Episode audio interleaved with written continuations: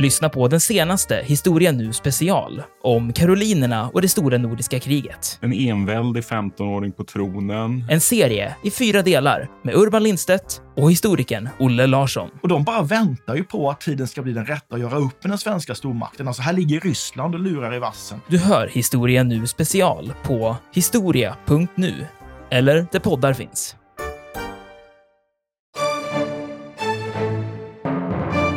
Däremot har man gärna velat rädda kvar sådana där figurer som står som alltså förgrundsgestalter i nationalistisk och religiös historieskrivning, som patriarken Abraham. Även om man inte har trott på att Abraham har funnits så har man trott att gestalten bakom honom, alltså att det har funnits någon sorts figur som man har använt som utgångspunkt och som man sedan har berättat historier om.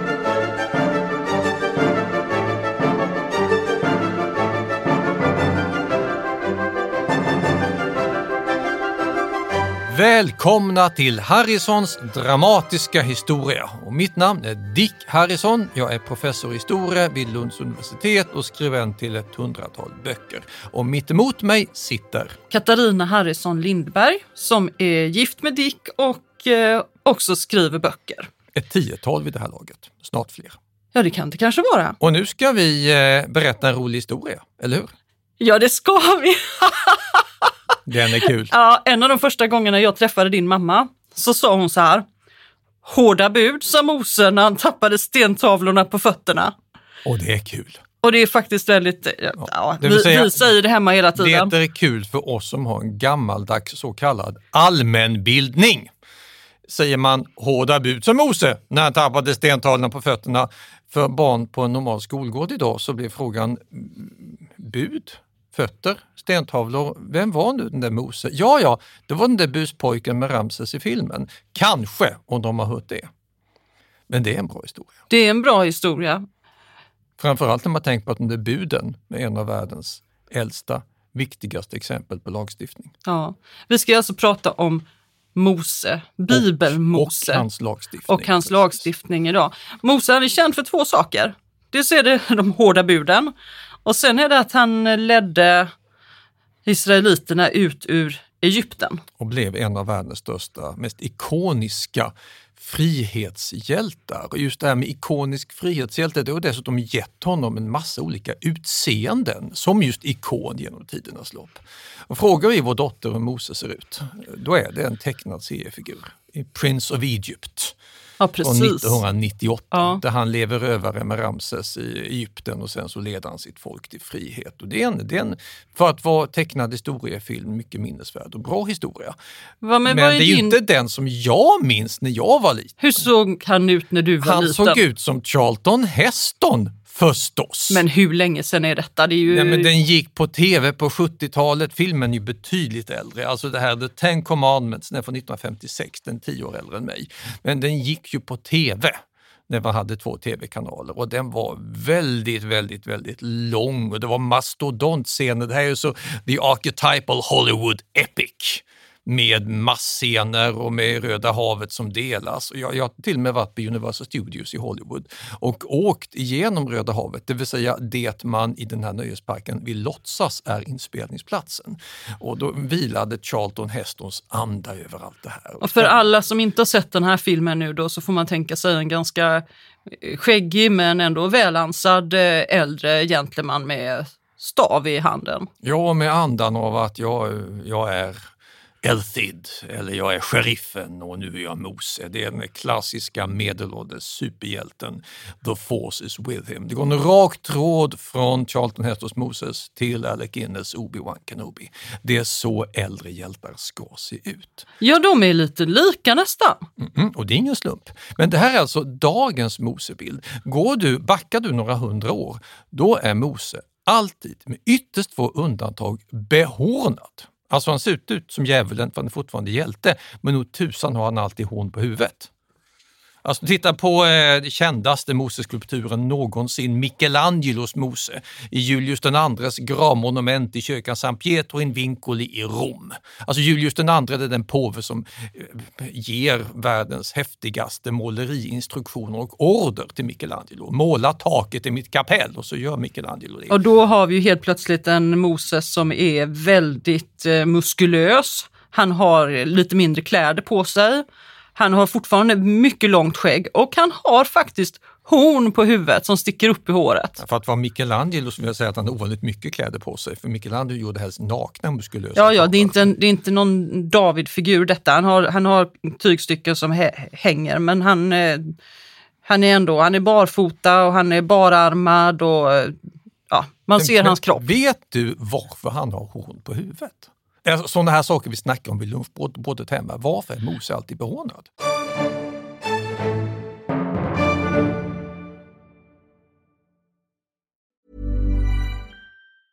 A lot can happen in three years, like a chatbot may be your new best friend. But what won't change? Needing health insurance. United Healthcare Tri Term Medical Plans, underwritten by Golden Rule Insurance Company, offer flexible, budget friendly coverage that lasts nearly three years in some states. Learn more at uh1.com.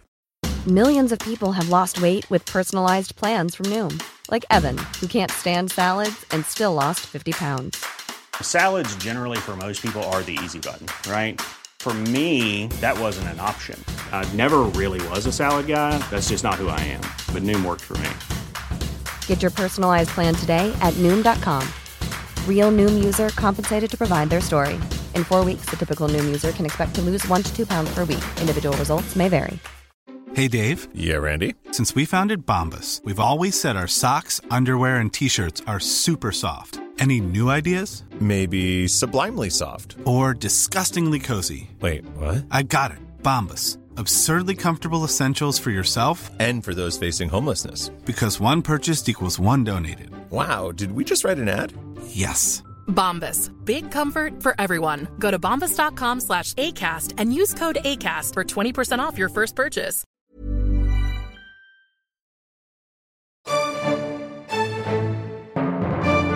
Som jag har förstått det så är det en felöversättning att man egentligen skulle översätta ordet corona, som ju då är gloria, att han, han skulle ha en gloria, han, han var ju en helig man den här.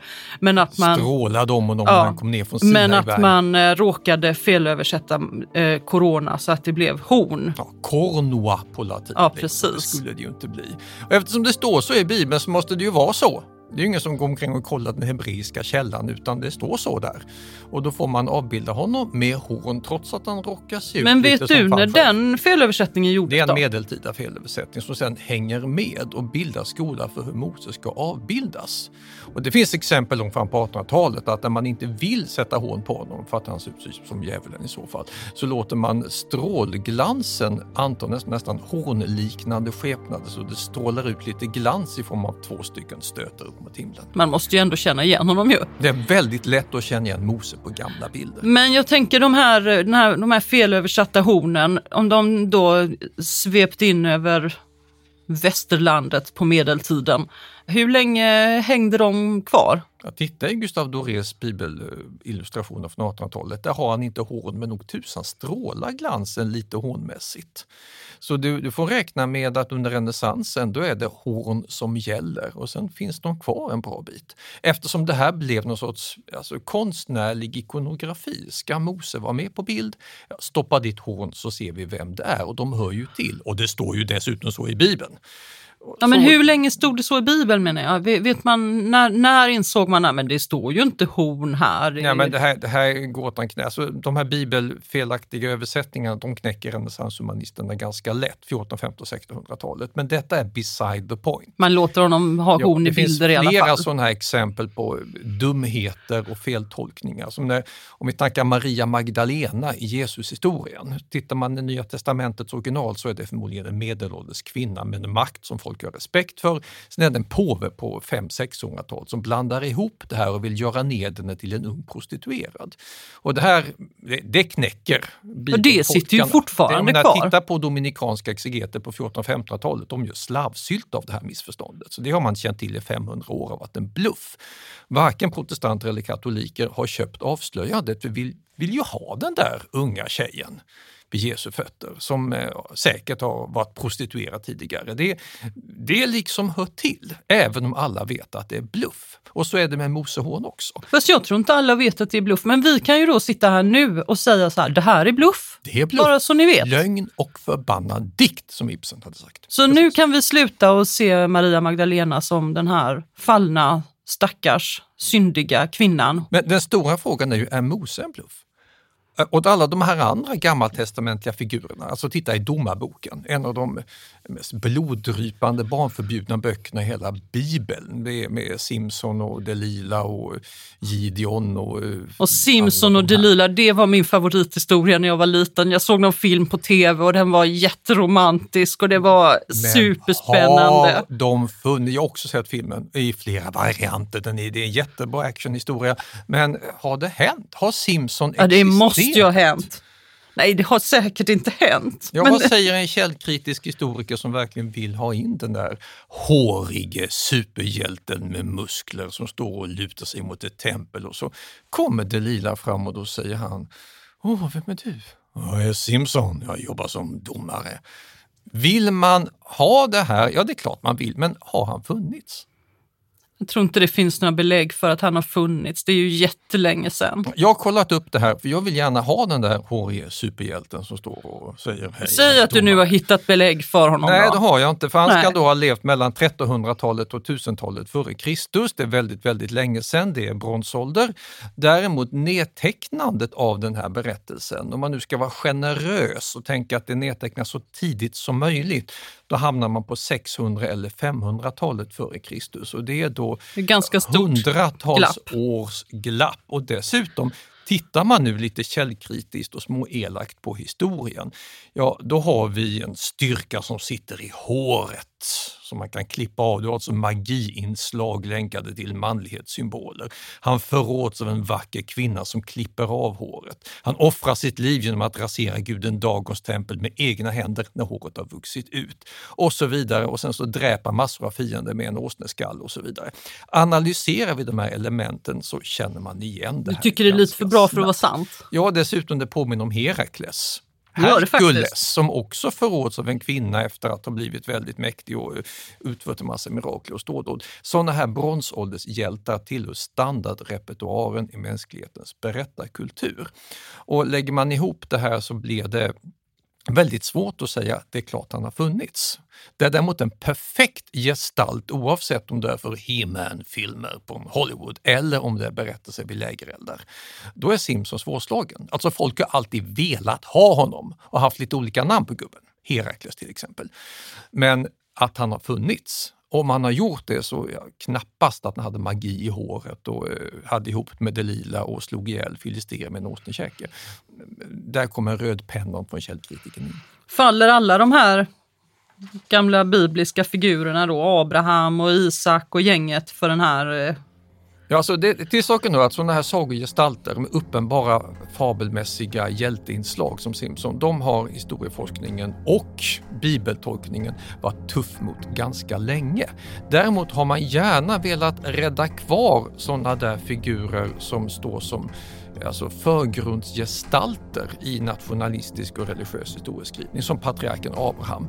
Även om man inte har trott på att Abraham har funnits så har man trott att gestalten bakom honom, alltså att det har funnits någon sorts figur som man har använt som utgångspunkt och som man sedan har berättat historier om. Abraham och Sara, ja, eh, de har kanske inte funnits men de är någon sorts kollektiva minnen, någon sorts sammansmältning av verkliga historier som har existerat. Till exempel att Abraham ska ha utvandrat från staden Ur i Mesopotamien till Kanans land cirka 2000 f.Kr. Ja, han hette kanske inte det, men nog tusan måste det varit någon utvandring som han har fått symbolisera. Så tyckte man förr. Men det här förändrades ganska abrupt på 70-talet då man blev betydligt mer kritisk. Thomas Thompson och John Van Seters och andra påpekade att det här trots att det är ett millennium minst. Det är ju väldigt lång tid. Som skiljer när det här ska ha hänt. Det finns inte heller några andra källor som kan backa upp det här utan vad vi har är en Inga arkeologiska fynd heller. En historia i, i Bibeln och det är för lite. Det är alldeles för skralt för att man ska kunna Ja, precis, och då, då, då blir Abraham, liksom de flesta i Gamla testamentet fram till konungaböckerna, vad vi kallar halvhistoriska gestalter. Ungefär som våra gamla ynglingakungar i Norden. Alltså där vi, eh, vi kan inte avfärda dem utan vidare som att de är påhittade, men vi kan inte uttala oss om deras existens, deras egenskap av historiska personer. Och det här gäller väldigt mycket av den berättarkultur som vi möter i äldre historiska källor överhuvudtaget. Vi har för lite samtida material för att kunna säga ja, de måste ha funnits. Mm. Men man kan inte heller rakt av säga att de har absolut inte funnits utan det finns en liten osäkerhet där. Det finns ju också den här tendensen att man väl börjar ogiltigt förklara, falsifiera och plocka bort folk ur gamla texter, som Odysseen, Iliaden och Bibeln, då går man gärna för långt. Ja, jag Kastar tänk... ut barnet med badvattnet. Det finns ju de som menar att Jesus inte har levt till exempel. Ja, det är också ett bra ämne för ja. tidigare, för en kommande podd. Ja. Men alltså ta en sån här figur som eh, den största av alla israelitiska hjältar. Du tänker på David? Kung David och hans son Salomo. Det här är ju historiska kungligheter som inte bara är eh, fina hjältar utan gör en del bus också. Mm. Alltså David han vill ha ihop med Batseba och se till att hennes man blir dödad så han kan få ligga med henne och så vidare. Och det, det, det, är ju inte skönmålningar, så det här finns en hel del besvärande omständigheter. Och det vilket, stärker ju faktiskt historierna. Historien. Så fort det är så här att man har en, en historisk person som bara är bra, det finns liksom bara de här fantastiska, som Simpson säger vi då, att ja, han är bara helt fantastisk. Han är stark, han är rättrådig, han, han har inga fel och brister. Då blir de mindre trovärdiga än om de är lite svartsjuka, om de begår tvivelaktiga handlingar och om de ja, men gör stygga saker också. Ja, Exakt, men eh, när det gäller den här David så har det faktiskt förekommit en mycket stor debatt. Inte så mycket hos oss utan i Israel dagens Israel, av källkritiska israelitiska forskare som har gått väldigt, väldigt långt i hård positivistisk källkritik och menat att nej, vi kan inte uttala oss om honom. Han har förmodligen inte funnits. Och så går man ännu längre och säger att alla böcker som berättas om honom, alltså konungaböckerna, Samuelsböckerna, krönikböckerna, är förmodligen skrivna för att kasta skit på senare israelitiska kungar. Det är alltså politiska partsinlagor där man har varit ilsken över kungar som har varit politister och plockat in fenikiska gudomligheter och som har målat upp bilden av ett stort ljust förflutet, allt var mycket bättre. När Israel var mycket större när kungarna trodde på den rätte guden och alltid vann i krig. Och då skapar man sådana som David och Salomo. Men det här är förmodligen bluff. Så har man då menat. Och då, då menar jag att då har man gått för långt. Då vill man utrota människor ur historien utan att egentligen titta efter. För i Men, Davids fall så har vi belägg. Han nämns även i andra källor. Ja, jag tänkte precis säga det. Det här är ju ändå en del av världen där källmaterial bevaras väldigt bra. Det är torrt och, och liksom konserverande ute i öknen. Så jag tänkte det måste ju finnas någonting, någon, någon eh, sten som det står Precis. något på eller någonting ja, kanske? När då David-kritikerna var som allra mest intensivt arga på bibliska böckerna så hittade man faktiskt just en sån sten. 1993 hittade man en sten upprest av Davids fiender, en arameisk segerstele i Tel Dan i norra Israel. Det är en kung av Damaskus i mitten av 800-talet före Kristus som skryter över hur han har besegrat grannfolken, bland annat Israel och Davids hus. Oj då, det är ju graverande. Det är graverande och de har andra fiender. Alltså, Israeliterna krigade mot alla grannarna, även mot folk i Jordanien, i riket Moab. Och där reser en eh, kung en sten på 840-talet, Mesha-stelen. Vill man se den idag får man åka till Louvren i Paris. Och där finns det skildring av krig mellan riket Moab och Israel, Berättar då moabitisk synvinkel, alltså där israeliterna är skurkar. Det är bara det att skildringen av krigen påminner misstänkt mycket om den skildring vi hittar i Bibeln, berättad ur israelitisk synvinkel. Då har vi alltså historieskrivning från båda sidor som backar upp varandra utan att de ens vill det och utan att de har synkat sina stories. Då Detta det talar ju... väldigt starkt för att det ligger en sanningskärna i det. Det är ju häftigt faktiskt. Men Mose då? Ska vi tro på honom? Har han funnits? Det är mycket tidigare. Frihetshjälten. Mannen som sen blir behornad. När det gäller Mose så det finns ju inte en massa källmaterial. Där, där har vi inte de här historierna som backar upp honom utan Det, det, är så, det är så väldigt, väldigt länge sedan. Han är ju mer som en sån här Abraham-figur. Simpson-figur. Mer än det, för han är inte bara någon sorts halvmytisk föregångare och anfader. Utan oavsett om du pratar med en kristen, en jude eller en muslim så är han den stora lagstiftaren, frihetshjälten, ikonen, uttåget ur Egypten, kampen mot slaveri och förtryck. Han, han har alltså spelat mycket, mycket större historisk roll. Vad jag tänker så folk är... vill ju verkligen ha honom med alla till buds stående Ja, medel. det är så här att man talar om Mose lag och om det nu aldrig har funnits någon Mose, varför ska man nödvändigtvis kalla den för Mose lag då? Ja, det sitter kanske några där och funderar ut, du ska ha en eh, häftigt namn på en kul lagstiftare och så slår man ett, ja, är det någon som säger, ja, Hilding kanske, om det hade varit en skåning på plats. Nej, Mose eller Juda. Ja, men jag har man tänker- suttit och diskuterat Ja, namn? väljer Knappast. man inte ett namn som, ehm, som man tänker det här är trovärdigt. Även om det nu, låt säga att det inte skulle vara Mose som har tagit emot den här lagen och ordnat de här stentavlorna utan att det skulle möjligtvis ha tillkommit på något annat sätt då. Noas lag, Eh, så, så har man ju ändå velat kalla den för Mose lag antagligen för att man har känt att då kommer folk gå på det här. Det är trovärdigt. Mose det var en eh, baddare det. Så resonerar man ju gärna om man vill rädda kvar Mose. Och det vill vi väl innerst inne, för det är ju en bra historia om frihet och allt det här.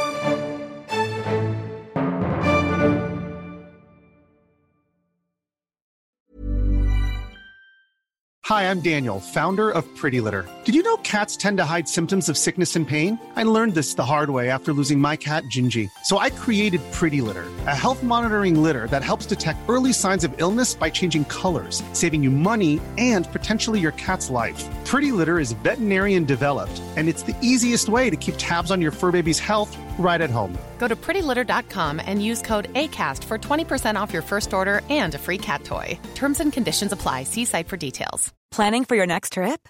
Elevate your travel style with Quince. Quince has all the jet setting essentials you'll want for your next getaway, like European linen, premium luggage options, buttery soft Italian leather bags, and so much more. And is all priced at 50 to 80% less than similar brands. Plus, Quince only works with factories that use safe and ethical manufacturing practices.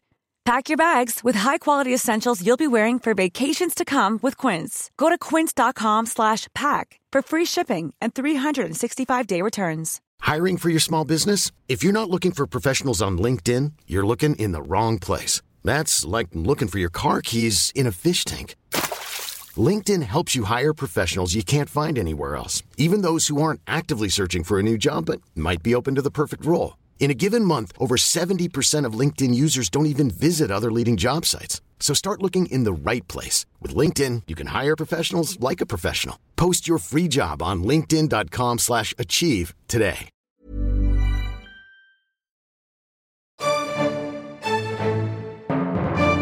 Alla de som nu vill rädda kvar honom har sökt med ljus eller lykta efter folk som kan ha betett sig ungefär som han vid ungefär det tillfället då han kanske kan ha levt, men som olyckligtvis inte heter Mose i just de källorna.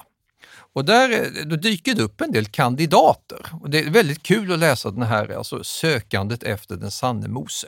Det är lite som sökandet efter den sanne Robin Hood i England. För på de här stentavlorna och kilskriftstavlorna och hieroglyftexterna från Ugarit i Syrien och från Egypten, 1200-talen före Kristus, där finns det kan, kan, kandidater. Alltså en diplomat som heter Bai, egyptisk ämbetsman. Låter inte alls som Mose. Nej, Bai, B-A-Y, låter inte som Mose, men han var av asiatisk börd, alltså västasiatisk, främre orienten, ungefär där Israel, Libanon och Syrien ligger, var verksam i Egypten, återvände sedan, ja, ungefär då, kan vara Mose med. Men det finns vissa. väl ingen som kan tänka... Alltså, Ja, det finns faktiskt de som hävdar det, men det finns också att det ska ha varit en egyptisk diplomat eller en avfällig egyptisk präst eller du har ju den här konstiga eh, rokaden i egyptisk religion på 1300-talet före Kristus med Akenaton och hans monoteism som dyker upp, en enda gud, solskivan. Och där blir det religiösa stormar och vissa måste fly låter lite, lite, lite Mose. Så här har man alltså resonerat för att försöka få in honom i historien på ett eller annat sätt. Det finns också de som menar att det här är Bibelns berättelse en fullständigt lögnaktig skildring av ett stackars folk som är förtryckta och menar att det är tvärtom. Egypten erövrades av Hyksosfolket under forntiden. På 1500-talet f.Kr.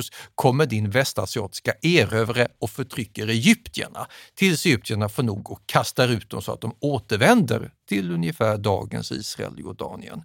Och det här kan ju vara, alltså Moseberättelsen kan ju, menar de här, vara någon sorts eh, försök att rädda ansiktet när de miste makten i Egypten och kastades ut. Att det egentligen är förtryckarna som försöker få det ut som att det var dem det var synd om. Att Mose var från Hyksos-gänget alltså? Ja, precis. Och att Hyksos-gänget är de som sen ja, bosätter sig i Kanans land och blir israeliter. Så här kan man alltså hålla på beroende på vad man tycker om Mose och hur stor fantasi man har när man tittar på äldre historia. Ja, man måste kanske ha lite fantasi när man gör det. Ja, men lagen, om vi ska titta på den. För det är ju ändå den som gör att Mose blir permanent inskriven i historien. Moseböckerna är den gamla judiska lagen. Ja, och jag tänker fortfarande så här, varför skulle den kallas för Mose lag om, inte, om man åtminstone inte har trott att det fanns någon Mose att hänga upp lagen på? Ja, varför ha lag överhuvudtaget? Ja. Det, är ju där, alltså det här är ju kärnan i att Mosehistorien finns med, är ju att den leder fram till Sinai berg. Gud ger Mose lagtavlor. Precis. Du skall inga andra gudar hava jämte mig. Ära din fader och din mm. moder. Alltså för Väldigt alla som är okunniga nu då, Mose lag det är ju de här tio Guds bud. Det är ju det här. Det är, ju... det är kärnan. Ja. Och sen följer det ett antal Moseböcker ja. med massa specificeringar och utläggningar om allt annat också. Ja. Och det här, det är den judiska lagen.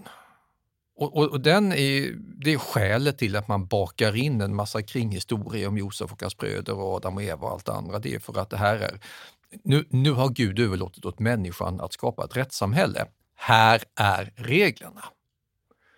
Och då fungerar Mose som någon sorts laggivare. Men han är inte först.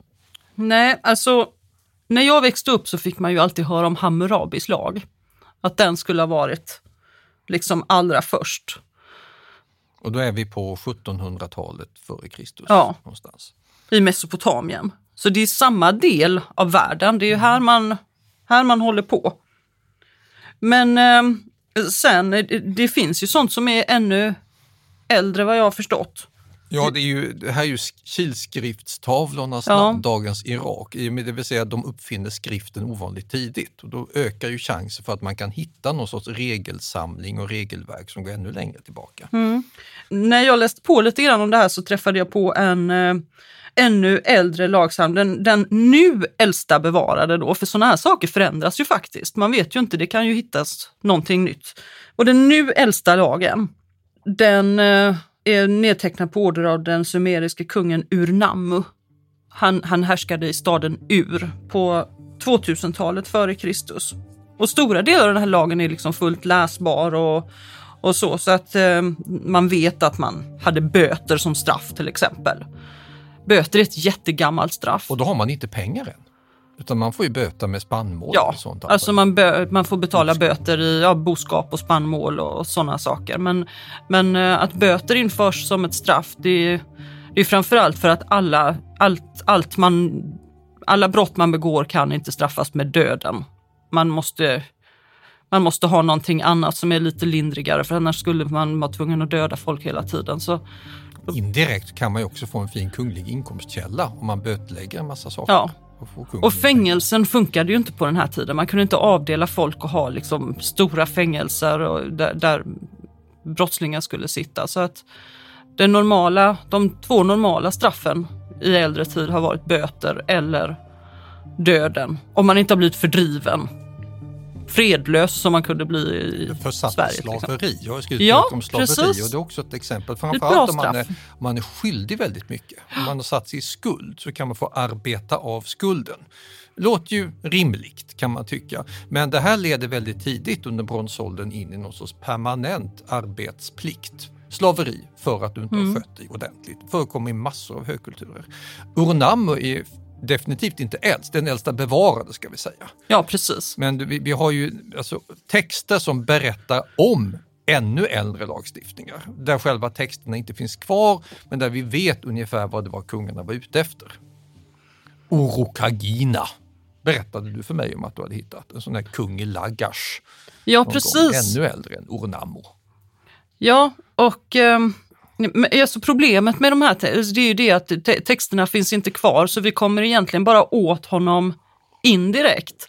Och eh, den här Urukagina, han, han är ganska spännande. Han finns, eh, det finns liksom massor med texter om honom i, i kilskrift som är bevarat. Alltså då, någonstans i södra Irak ska vi säga idag. Ja, och eh, framförallt så finns det då eh, poesi om honom och vad han har gjort. Och ur den här poesin så kan man då förstå att han har varit någon sorts lagstiftare och han har, han har försökt komma till rätta i, i sitt land med att utrota korruption och, och sådana här saker. Så att indirekt kan vi komma åt en lagstiftning som han har varit ansvarig för. Men, men som, som du sa, det finns ingenting kvar av själva lagen så vi vet inte exakt hur den var utformad. Den stora viktiga frågan som alla glömmer då det är ju att varför överhuvudtaget stifta lagar? För det är ju abstrakta rättsprinciper som ska kodifieras in i exempel. Och det är ingenting som människan föds med som kulturvarelse och tänker att ja, nu har vi byggt en stad, nu ska vi ha en lag. Det är ju någonting som, man, dels måste man komma på det och så måste du ha någon sorts medel för att erinra dig vad du har lagstiftat om och så måste folk köpa att det är okej att stifta lagar och komma här med regler. Men tror du inte att man gör det då? Om du tänker att man har den här civilisationen och eh, så om vi försöker tänka oss att den är laglös. Vilka problem skulle man inte få då? Mm. Jag har faktiskt kollat upp det här. Jag har skrivit en bok som heter Civilisationens uppkomst. Mycket kort, liten fin bok, 168-170 sidor. Och där jag går igenom sån här maktteknologisk utveckling. Först av allt, om du nu är kung eller härskande regerande drottning, så har du våld. Det, det, krävs inte mycket intelligens och det krävs inte mycket medel för att du ska ta dig ur din letargiska lättja för att komma på att jag kan ge mig på mina fiender med stridsyxor. Så våld funkar, men det funkar inte länge eftersom fienden har en tendens att göra uppror när du sticker därifrån. Och då har man religionen som maktmedel. Om folk tror att du är en gud som kan straffa dem så det, kan våldet backas upp av det. Och sen kan du ha inte bara piskan utan moroten, muta folk, alltså hjälp dem, dra in dem i systemet kan du också använda.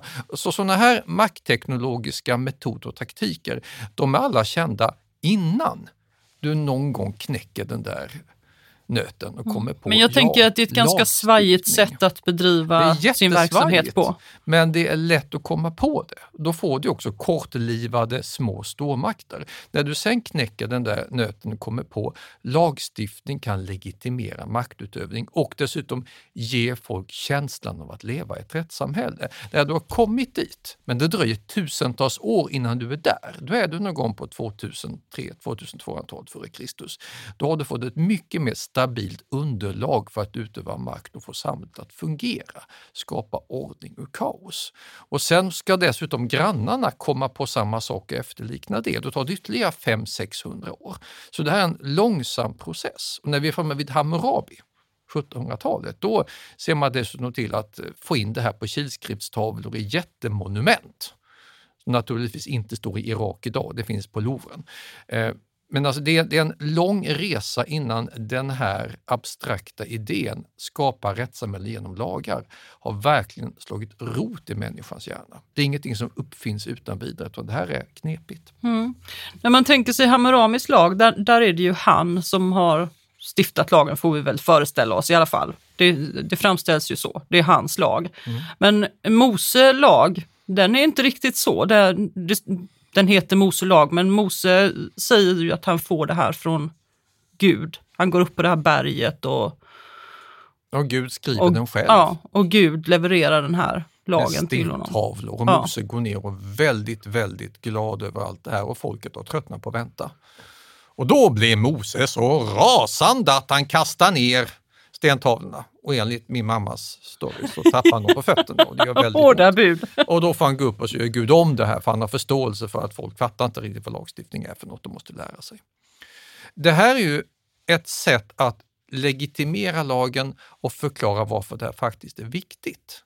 Och här är Gamla testamentets första böcker en jättebra källa till just pedagogik, få folk att fatta. Eh, jag har eh, forntidskursen i min undervisning på Lunds universitet så brukar jag ha en gruppövning om syndafloden som då är den här stora katastrofen, allt dränks och den finns i massor av källor från Främre Orienten. Den berättas av akaderna och sumererna och eh, babylonierna. Alltså det, det, är en sån standardhistoria om den stora katastrofen förr i tiden. Och I de äldsta varianterna av den så finns det ingen kausallogik, utan floden kommer för att gudarna får lust att göra det. Gudarna är nyckfulla, bråkar lite inbördes och dränker allt och sen får de panik efteråt när de insåg att alla människor gick och dog. Men i Bibeln är det inte så. I Bibeln finns det en logik. Där är Gud arg för att människorna syndar och beter sig illa. Och... På ett specifikt vis uppfyller jorden med våld. Ja. Och då, eftersom människan är skapad i Guds avbild så ja, någon sorts Lite våld får de tåla. tåla då. Total översvämning. Och sen efteråt säger Gud att nu räcker det. Jag har lät vissa av er överleva med lite djur för att jag sa åt att plocka med dem. Och nu tänker jag inte göra om det här. Nu är det upp till er. Ta ert ansvar. Den som utgjuter människoblod, hans blod skall utgjutas av människor. Ty Gud gjorde människan till sin avbild. Ni är som jag. Gör nu som jag. Utöva lagstiftningen och se till att det blir ordning och kaos. Och då har människan fått någon sorts gudomligt bud att se till att ha lagar. Och det här står alltså redan i början av Bibeln. Det, det är långt innan mm. Mose kom, kommer in. Och läser man det här ur rättshistoriskt perspektiv så är ju det här för att få folk att fatta att du ska inte stjäla. Du ska hålla dig till lagen och om du nu blir dömd och tycker att det är orättvist, ja, det är så det ska vara. Detta är vårt samhälle. Fatta det! Mm. Och det faktum att man behöver pränta in det här med en massa berättelser om syndafloden och Guds ingripande och Noa och allt det här eh, uttåget ur Egypten, det visar ju att det här var fortfarande inte helt och hållet självklart. Det här är något människan måste lära sig. Man måste ha den ikoniska lagstiftaren, frihetshjälten, för att hålla ihop samhället och förklara rättslogiken. Mm. På så sätt börjar det mänskliga samhället att funka. Kriminella ska sättas dit. Öga för öga, tand för tand. Och sen har det fortsatt. Och sen har det fortsatt till det vi har Ända idag. fram till dagens samhälle där väldigt många människor fortfarande inte fattar det här med att du får inte stjäla, du får inte dräpa, du får inte ingå i kriminella nätverk. Du får inte vara korrupt i din lilla ambition att härska som kommunal tjänsteman utan du ska hålla dig till lagens mm. bud. Det här har vi haft problem med hela tiden. Men idag Gud behöver kommer vi inte skicka någon vi behöver inte stoppa in en syndaflod idag. Utan det är upp till oss, oss att Hota lösa med detta. Kumlabunken i värsta fall. Ja. Ni har lyssnat på Harrisons dramatiska historia om Mose och lagstiftningens uppkomst på jorden. Väl mött nästa gång, då kommer vi att gå in på krig, närmare bestämt det mest kända av alla tidiga krig. Bronsålders civilisationers tvekamp nummer ett, Trojanska kriget. Tack för idag!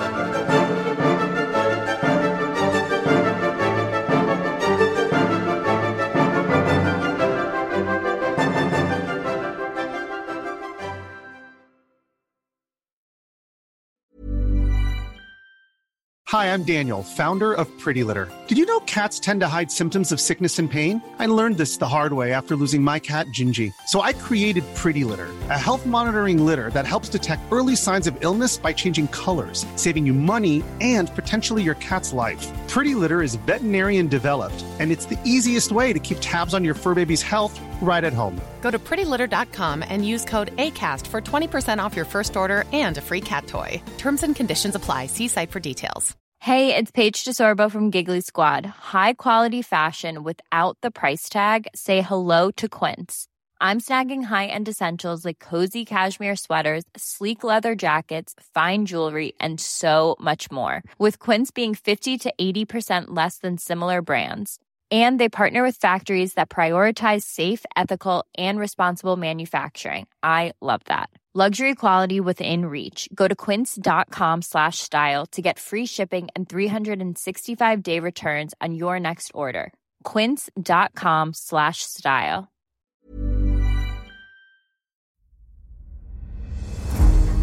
Jacob de la gardie är den enda svenska fältherre som lett en armé till Moskva och trätt fram inför tsaren. Bedriften gjorde honom till en av 1600-talets största befälhavare. Moskvas erövrare är den första biografin över Jakob de la Gardie, en av stormaktstidens portalfigurer. Historikern Peter Ullgren följer hans stormiga bana från den föräldralösa barndomen vid 1500-talets slut till maktens topp och den mullrande statsbegravningen i Stockholm 1652. Moskvas erövrare är utgiven av förlaget Historiska Media. Ljudboken finns tillgänglig hos streamingtjänster som Bookbeat, Storytel och Nextory.